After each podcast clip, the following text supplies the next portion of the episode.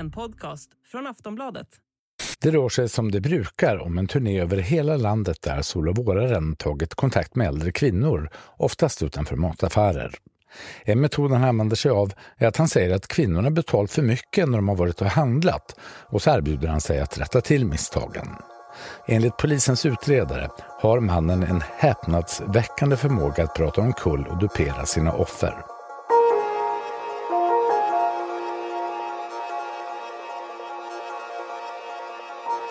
I över 50 år har han rest land och rike runt och lurat människor på pengar.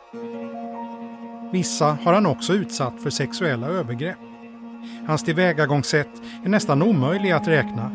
Han har utgett sig för att vara läkare, komma från ICA, Hyresgästföreningen eller bara sagt att han ville bjuda på skjuts hem med tunga matkassar.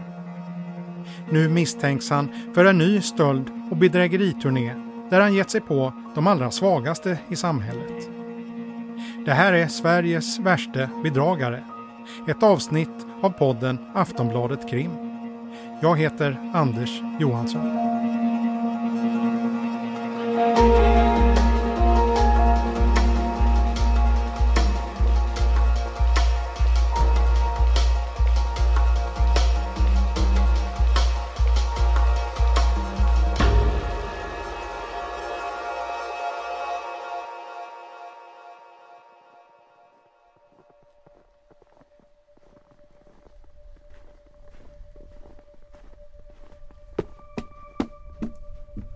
Vi är i Robertsfors, några mil norr om Umeå.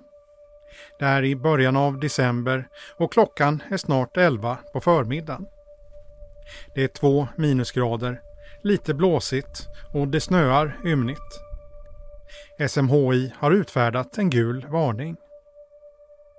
Vi pulsar fram till en röd huslänga med lägenheter. Utanför dörrarna är det skottat och fint.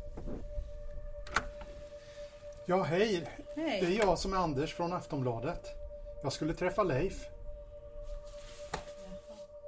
Är han hemma? Leif, som vi är här för att träffa, är 77 år. Vårt besök råkar krocka med lunchen som hemtjänsten är här och gör i ordning, så vi får vänta lite. Här inne är det ombonat. Målade tavlor av hästar med timmerslädar hänger på väggarna, liksom fotografier av hundar. Ett stort skåp med porslin står längs en av väggarna. Och det är pyntat med jultomtar, ljusstakar och granar i bordsformat. Ett gammalt väggur tickar. Efter ett tag har Leif tid att prata. Hej Leif! Hej, hej. Hej! Vilket oväder det blev. Ja, det snöar. Är det så här i Robertsfors? Ja, det kan det vara. Ja. Var bor du då? Jag bor i Stockholm, Åh herregud, det är långt borta. men jag är ju smålänning. Leif har en röd pikétröja med dragkedja i halsen. Han ser pigg ut, nyklippt och nyrakad. En rollator står i hallen och en i vardagsrummet. Men han brukar inte använda dem. Han använder en sparkcykel istället, säger han. Och berättar att han som ung var betydligt mer rörlig och höll på med boxning. Leif är född i Ultervattnet som ligger i de här trakterna. Men han har bott större delen av livet i södra Sverige. Ja du, jag var ingenjör på Volvo. Deras nya bilmodeller och man har ju provat fram dem. Så jag har bott, varit där sedan ungdomen. Och Stockholm också har jag varit i. Och Göteborg. Ja, Leif har jobbat nästan hela livet för Volvo. Han fick jobbet direkt efter att han gjort lumpen.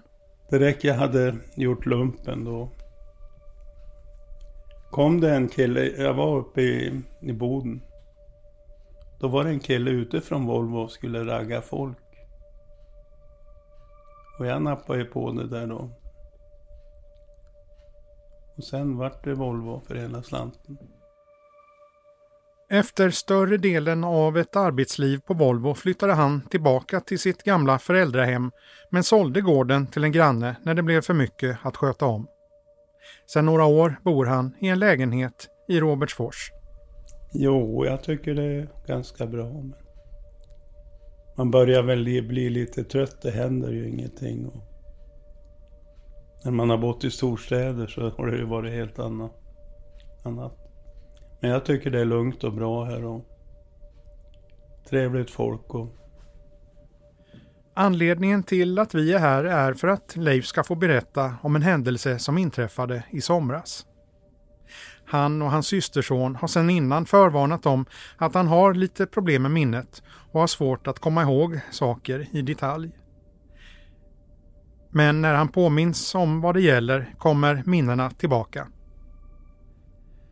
Allt börjar tidig eftermiddag tisdag den 9 augusti när en man kommer gående över gräsmattan utanför hans hus. Nej, men han kom därifrån huset. Han stod där. Han stod på den bron, eller den trappen där. När jag såg honom. Och jag satt här och såg på TV. Leif pekar ut genom fönstret när han berättar och visar att mannen stod en bit utanför hans fönster. Leif minns honom som mycket stilig. Han var enormt fint klädd. Så jag anade inte att det var någon skummis. Så det fanns ingenting att haka upp sig på. Det är en varm sommardag så Leifs altandörr står öppen. Mannen promenerar mot huset. Och sen kom han gående. Och jag hade ju både såg på TV och dit och... Så han kom in och jag satt där. Han kom och satte sig på sängen här. Där jag sitter ungefär. Ja, mannen går in och sätter sig på Leifs säng. Leif känner honom inte men säger att han minns honom som trevlig. Nej, han hälsade bara och sen var det som inget mer. Prata och var trevlig. Så gick han, han gick direkt och satte sig hit. Och han frågade aldrig någonting, han bara hälsade och sen satt han här. Och jag var så upptagen av TVn, jag minns inte vad det var, men det var någonting han var. Ja, Leif har fokus på TVn. Han sitter vid fotändan på sängen och mannen sätter sig bakom honom. Sen är det lite otydligt vad som händer. Hur länge de sitter där vet inte Leif. Men i efterhand har han förstått varför mannen satte sig just där. Inte fattar jag att han förstod att jag hade pengar under kudden. Han hade nog varit med mycket och sett hur folk kan ha det. Efter ett tag lämnar mannen lägenheten. Kort senare tas 8000 kronor ut på Leifs kort inne i Robertsfors i tre olika uttag. Dessutom ska det visa sig att 1500 kronor försvunnit ur hans plånbok. Det ska ta några timmar innan Leif förstår att något inte stämmer. Men jag såg ju, jag var så intresserad av TVn så jag märkte aldrig den där manövern förrän han hade gått att han hade tagit pengarna.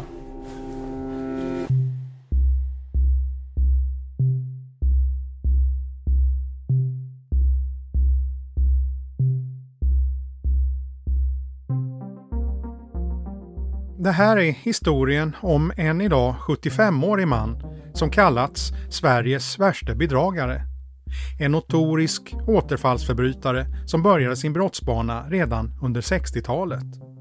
Han har tillbringat nästan hela sitt vuxna liv i fängelse. Så fort han släppts ut villkorligt har han börjat med nya brott och åkt fast igen.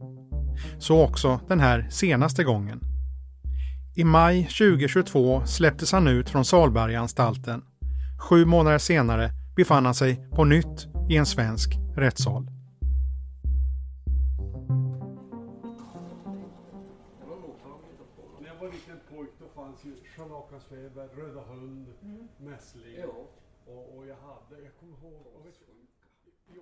Vi är i Luleå tingsrätt.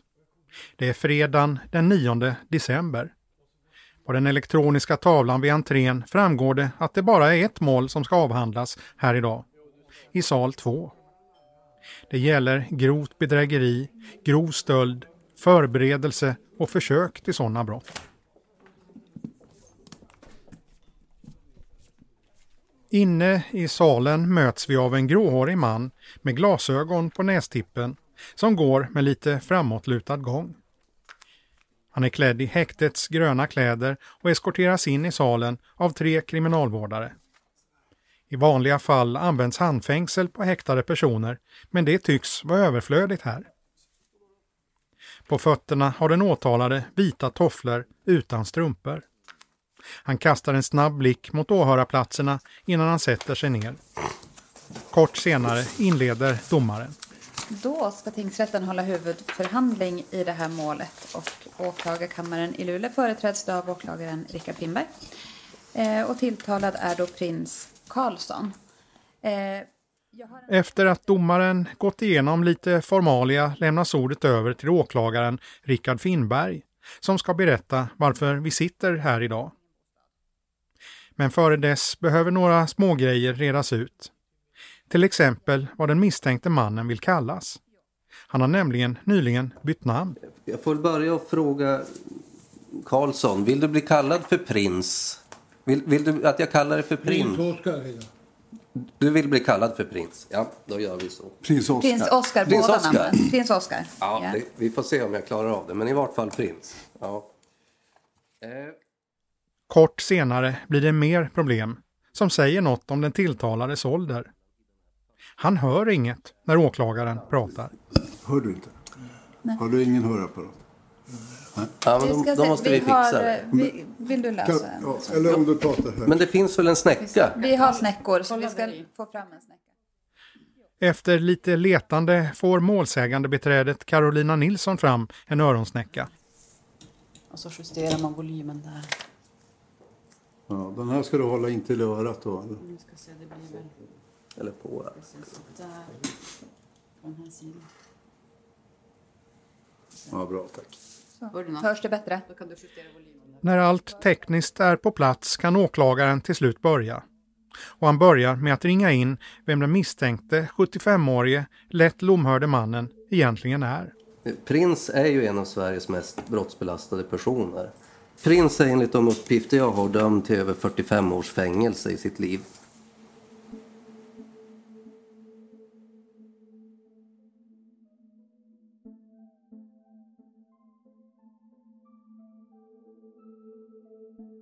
Vincent Karlsson, eller Prins Karlsson som han heter sedan i våras, är en av Sveriges mest notoriska återfallsförbrytare.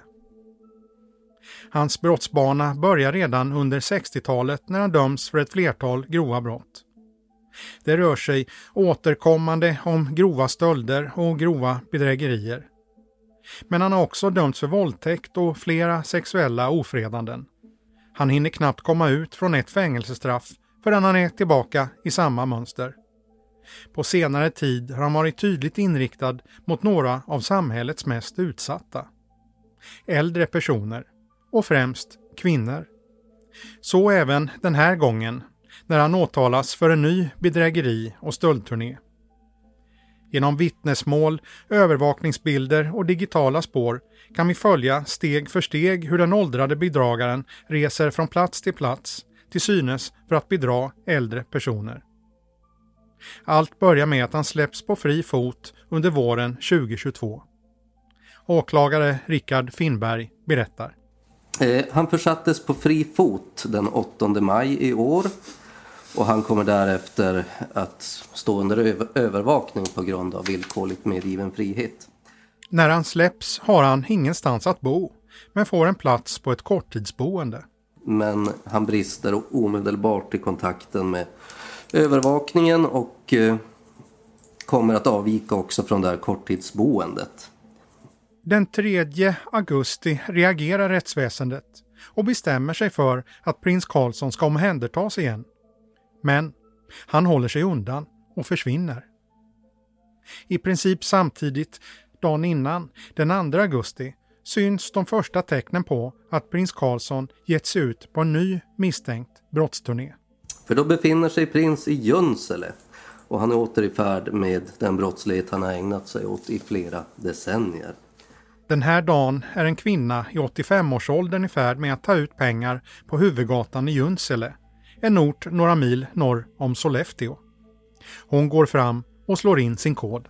Och sen kommer det fram en man bredvid henne. Hon tar ut 2000 i kontanter och sen vet hon inte riktigt vad som händer men både kort och pengar försvinner. Senare samma dag tas 13 000 kronor ut från kortet. Den äldre kvinnans dotter upptäcker det hela och spärrar kortet. Men det är för sent. I det första förhöret kommer brottsoffret berätta att det hela känns som en konstig dröm. Som att hon blivit hypnotiserad. Hon beskriver vagt hur den misstänkte mannen ser ut. Kort, runt 50-60 år gammal, men mer än så har polisen inte att gå på.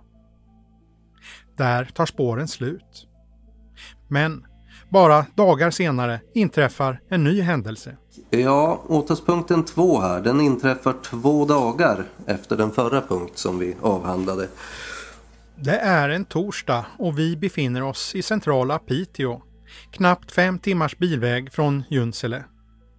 Än en gång är det ett bankomatuttag som står i fokus.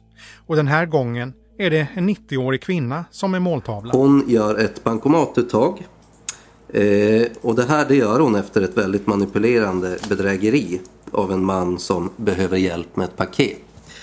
Själva uttaget är på 1000 kronor. Men pengarna försvinner direkt. I samband med att hon tar ut de här tusen kronorna så blir hon bestulen på dem av den här mannen. Pengarna försvinner och även kortet försvinner. Några minuter senare sker två uttag till från samma kort. Ett bedrägligt uttag sju minuter senare på 5 000 kronor och sen ytterligare ett två minuter därefter på 3 000 kronor.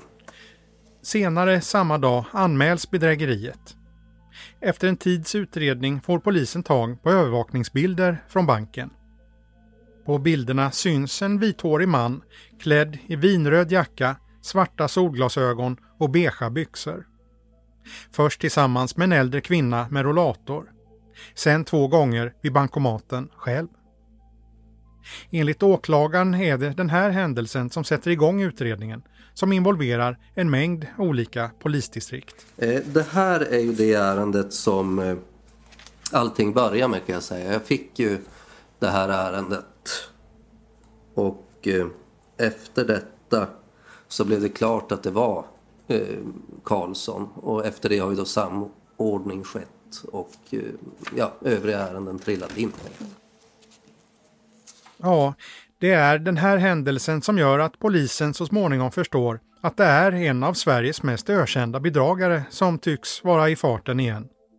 Men fler händelser ska tillkomma.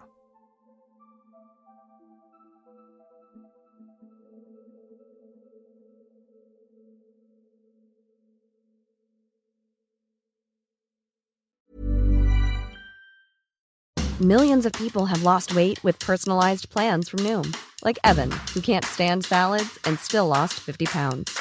Salads, generally, for most people, are the easy button, right? For me, that wasn't an option. I never really was a salad guy. That's just not who I am. But Noom worked for me. Get your personalized plan today at Noom.com. Real Noom user compensated to provide their story. In four weeks, the typical Noom user can expect to lose one to two pounds per week. Individual results may vary.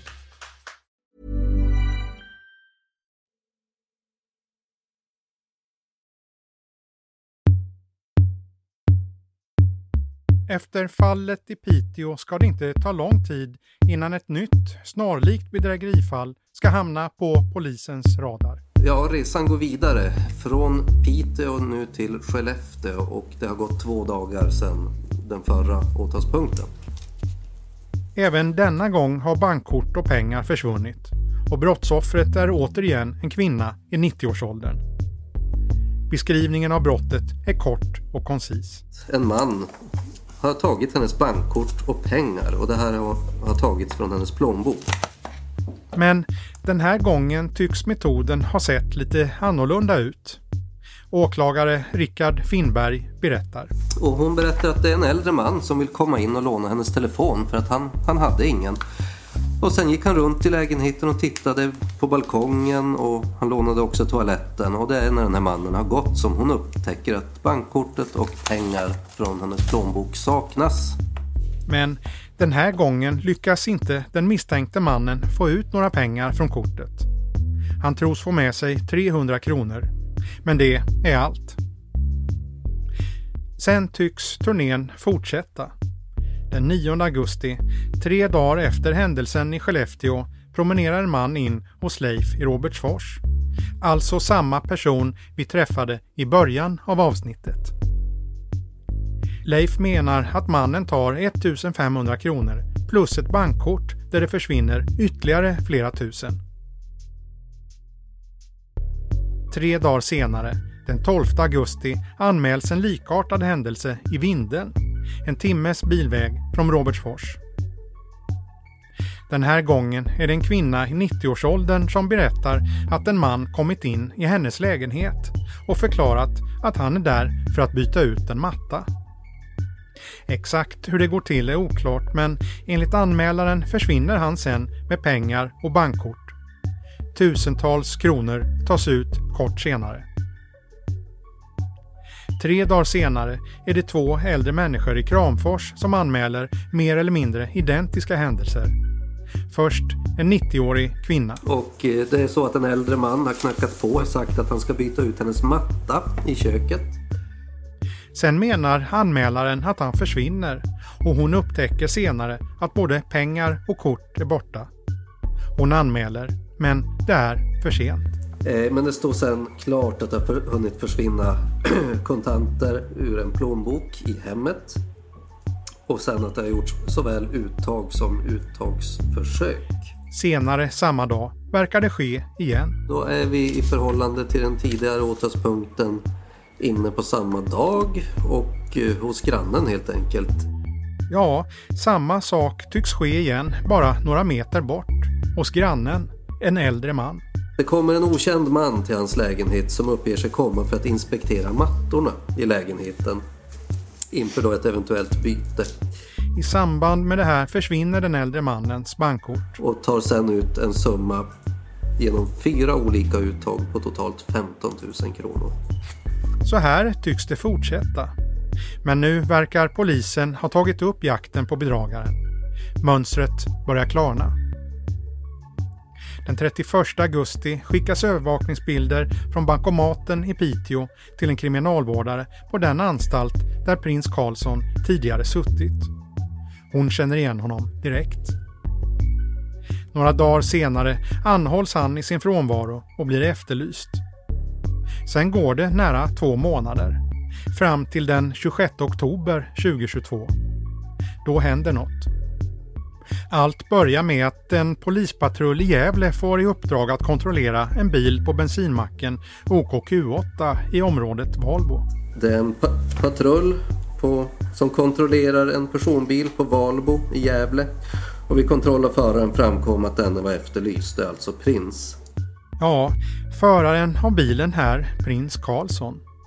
Enligt patrullen är han mycket pratsam och berättar bland annat att han inte har någon bostad utan reser land och rike runt. Han berättar också rakt upp och ner att han begår bedrägerier och visar dessutom upp en liten samling kontokort. Då föraren uppgav att han hade kontokort i handskfacket på bilen som han använde för att begå bedrägerier genomfördes en husrannsakan i fordonet. Flera kontokort i olika namn hittades och även en viss mängd kontanter. Bland de kontokort som hittas kan polisen knyta flera till de tidigare anmälningarna om bedrägerier.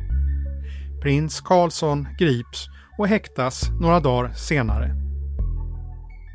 En månad därpå, i slutet av november, åtalas han för en hel rad bedrägerier och stölder mot sammanlagt 12 personer. Alla är äldre. Den äldsta är 96 år gammal. Åklagaren gör gällande att brotten varit av särskilt farlig och hänsynslös art och varit riktade mot särskilt utsatta eller skyddslösa personer. Men att han varit farlig och hänsynslös menar prins Karlsson är helt fel. Det säger han högt till sin advokat och pekar ner i utredningen. När han förhörs om sin inställning så hävdar han att brottsoffren gett sina kort och koder till honom frivilligt.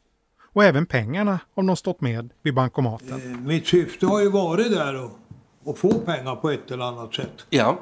Och när jag säger ett eller annat sätt, det är så att de lämnar oftast över det frivilligt till mig. Jaha. Ja, utan någon diskussion eller någonting sånt där. Jaha. Ja, det är, det är så. Men, men om de lämnar över det frivilligt, är det... Det händer aldrig mig i alla fall kan jag säga. Hur, hur går det till när de lämnar över det frivilligt? Ja, nej, men eh, eh, de lämnar över pengarna när de har tagit ut dem från apparaten. Va? Och ibland har de bett mig om hjälp med kortet som de har vänt fel eller det har Ja, blivit något, någonting sånt där. Ja. Och, och så sen då har jag hjälpt till va. Men det är väl en, ett par gånger jag har gjort det utav de här gångerna, tolv gångerna. Åklagaren påpekar att brottsoffren inte känns vid att de lämnat ifrån sig pengar och undrar hur det i så fall har gått till. Han tar fallet i Junsele som exempel.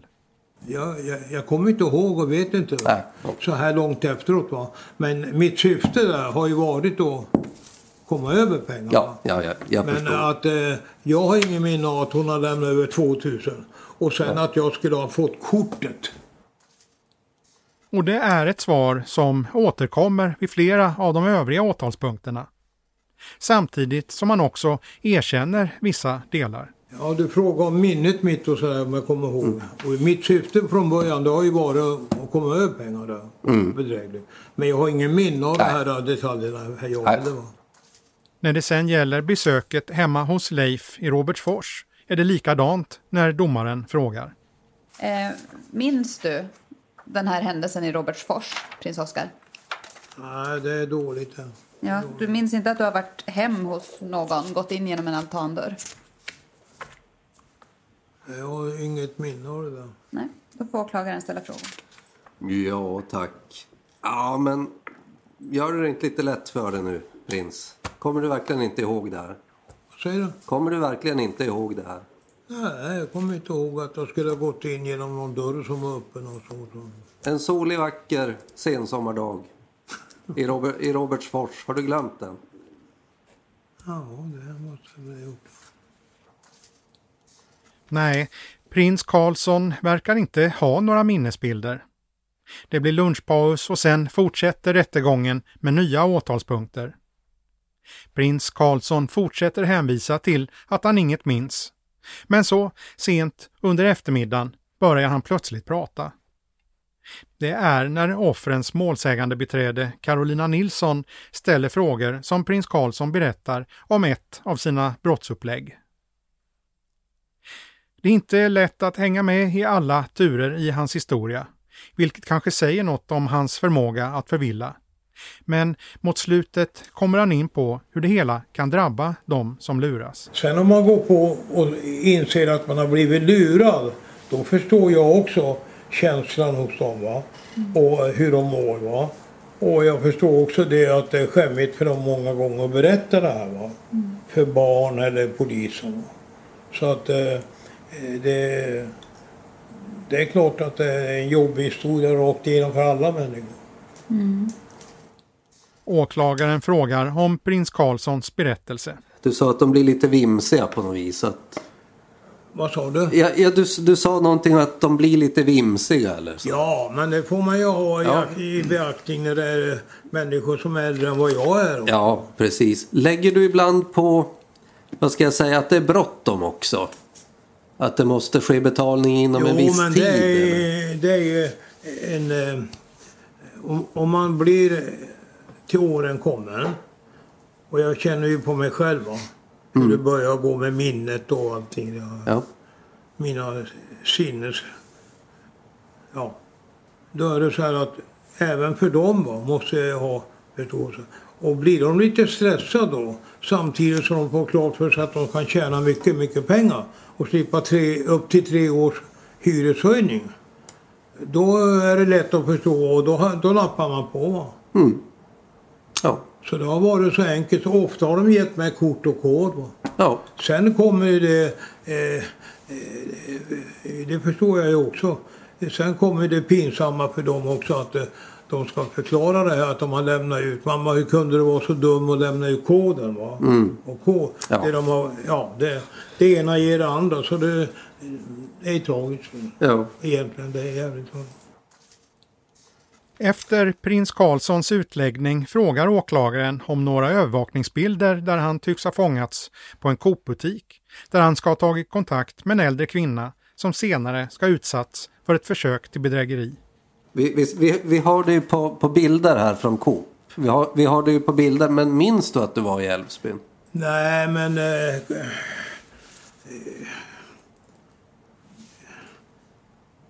ja, jag skulle säga dina ord egentligen. Det är, Ja. Jag tycker själv att det är osannolikt att det skulle vara, vara någon annan i det här fallet. Ja, Så att eh, eh, jag besparar dig det. okej. Mycket längre än så kommer vi egentligen inte i förhören med prins Carlsson. Några minuter senare är förhandlingen klar för dagen. Tack för idag. Tack för idag. Trevlig helg. Tack detsamma. Tack. Prins Carlsson säger alltså att han förstår känslan hos dem som blivit lurade. En jobbig historia rakt igenom för alla människor. Om 75-åringen inkluderar sig själv i den skaran framgår inte. Men att det är jobbigt för de utsatta och även för deras anhöriga, det har deras målsägande beträde, advokaten Carolina Nilsson, lätt för att hålla med om. Hon menar att i det här fallet också handlar om ett utstuderat tillvägagångssätt. Det som kallas modus operandi. Sättet som offren har valts ut. Vi pratar med henne i en paus i rättegången. Ja, alltså, jag, när jag har varit runt och besökt mina klienter runt om i landet så har jag sett att i princip utanför varje bostad eller utanför varje port så har man sett att det har funnits eh, rullstolsramper eller det har funnits rullatorer utanför bostäderna. Och eh, jag tror att det här har varit ett sätt för honom att lokalisera personer som har varit funktionsnedsatta och att han liksom har valt ut de här personerna på ett eller annat sätt. De som han har konfronterat i butiker, där har han ju sett att de har gått med rullatorer eller liknande. Så att jag tror att han har valt ut de här utifrån att de är liksom funktionsnedsatta. Hur har de blivit påverkade? De har ju blivit påverkade på olika sätt. Det som är gemensamt för dem, så som jag har uppfattat det, det är att de känner en, en eh, skam över att de har blivit lurade, att de borde ha förstått eller känner sig liksom dumma. Det är väl gemensamt. Sen har de ju påverkats på olika sätt. Vissa har upplevt oro, vissa har upplevt rädsla eh, och ett obehag inför att det här ska hända igen. Att man ändrar sitt beteende, man ser sig om, man är mer vaksam och sådär.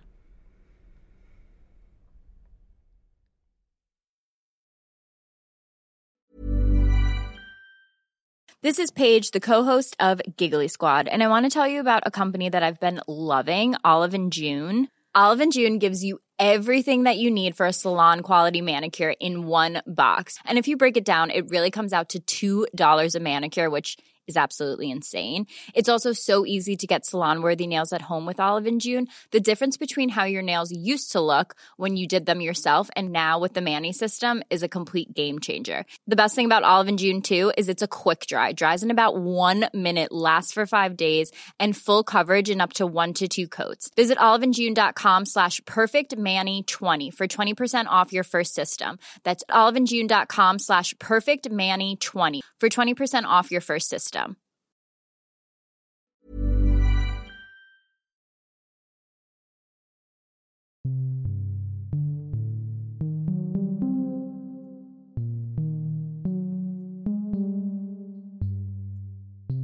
När det här spelas in vet vi inte hur det kommer gå i det här målet.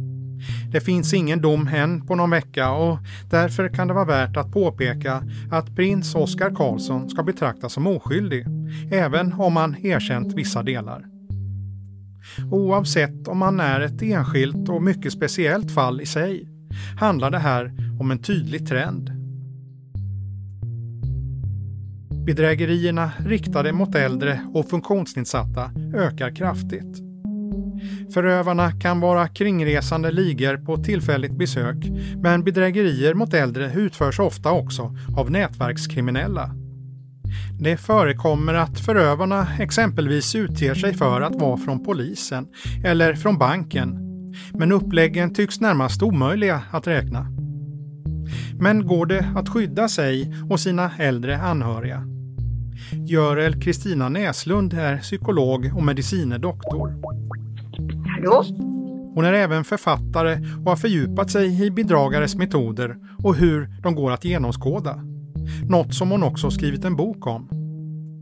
När det gäller den typen av återfallsförbrytare som prins Karlsson är exempel på så säger hon att de är ovanliga. Jag skulle säga att det tack och lov är ovanligt.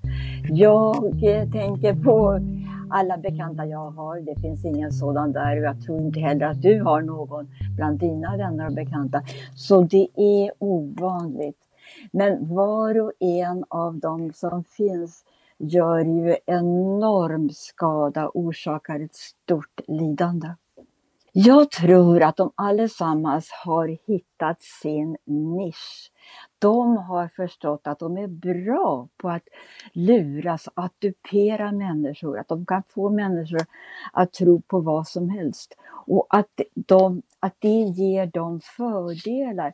De kan berika sig själva genom att dupera andra. Och varje gång de lyckas med det känner de en väldig eufori. De får kick efter kick genom att bete sig så här. Görel Kristina Näslund beskriver att det vanligen hos den här typen av förövare saknas medkänsla för andra människor.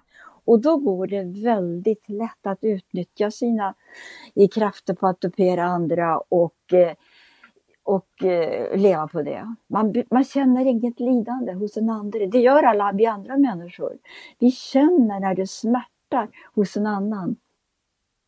Prins Karlsson har dömts till över 42 års fängelse på 40 år.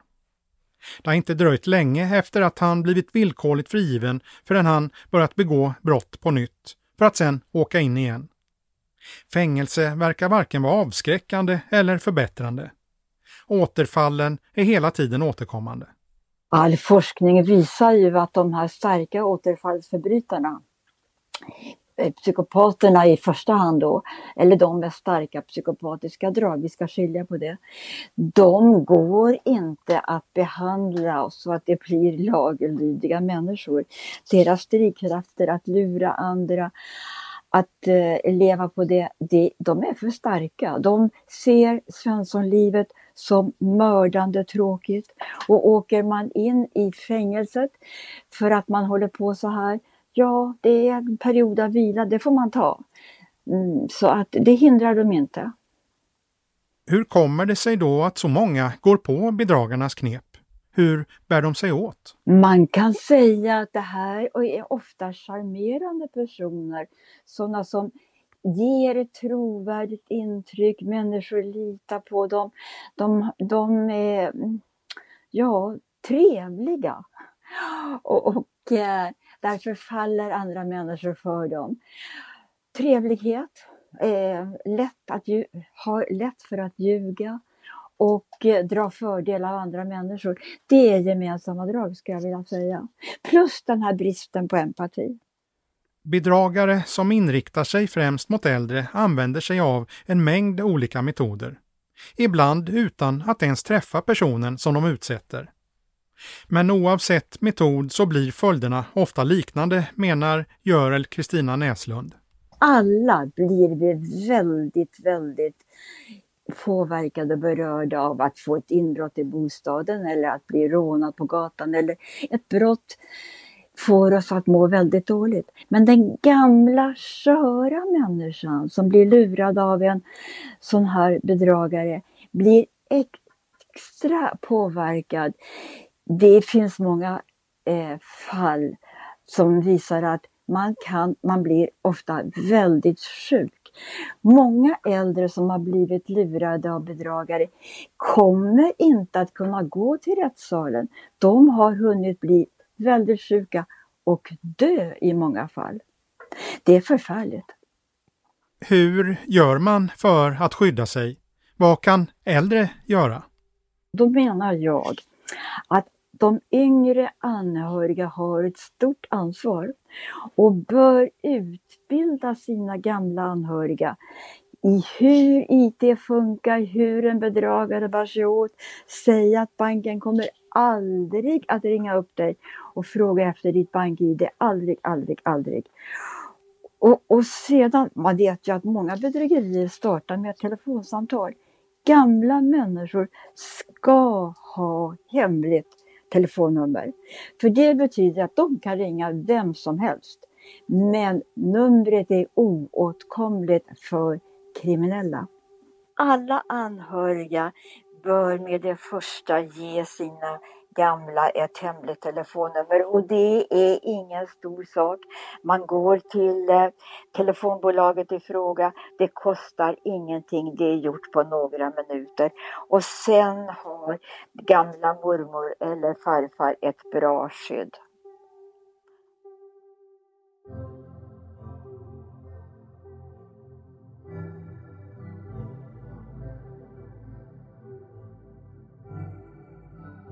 När det här avsnittet spelas in vet vi inte hur det kommer att gå i målet mot prins Karlsson.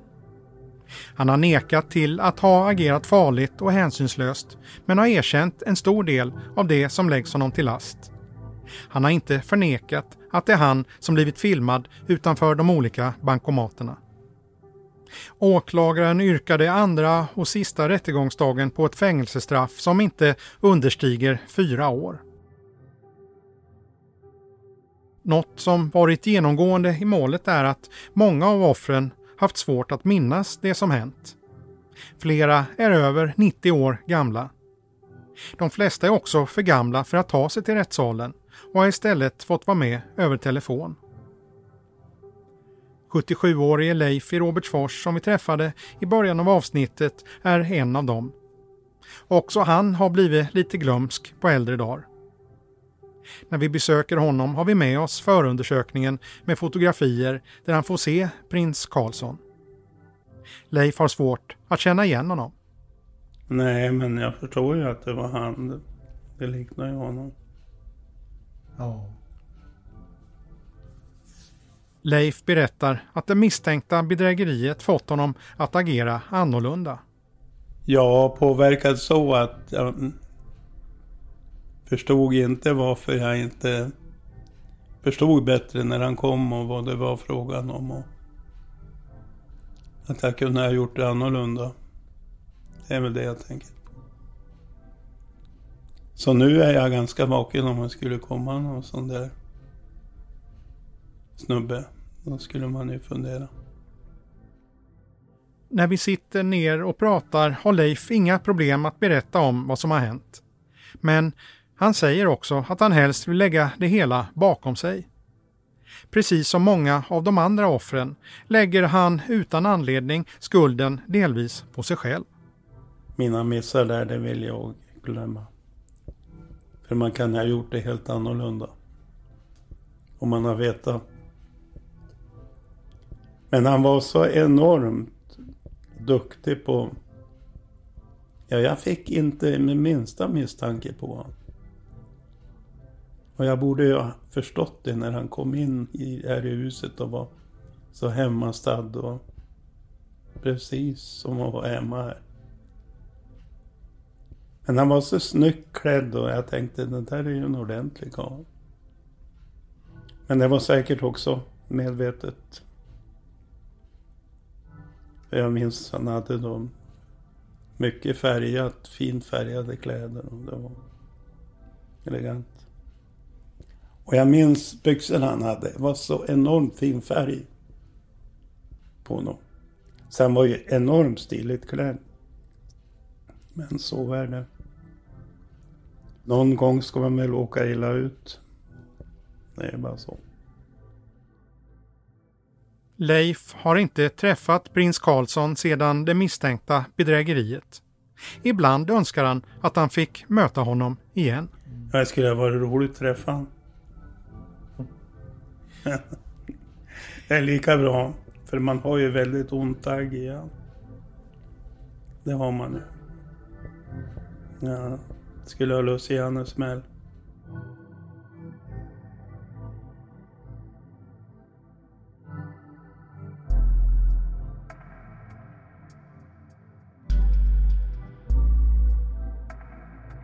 Du har lyssnat på ett avsnitt av podden Aftonbladet Krim.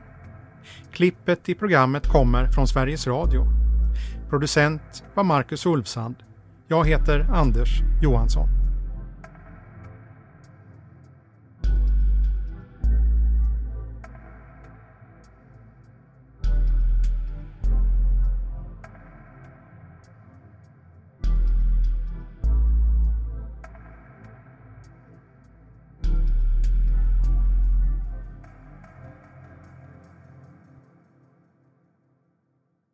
Du har lyssnat på en podcast från Aftonbladet. Ansvarig utgivare är Lena K Samuelsson. Tired of ads barging into your favorite news podcasts? Good news. Ad-free listening is available on Amazon Music for all the music plus top podcasts included with your Prime membership. Stay up to date on everything newsworthy by downloading the Amazon Music app for free or go to amazon.com slash news ad free. That's amazon.com slash news ad free to catch up on the latest episodes without the ads.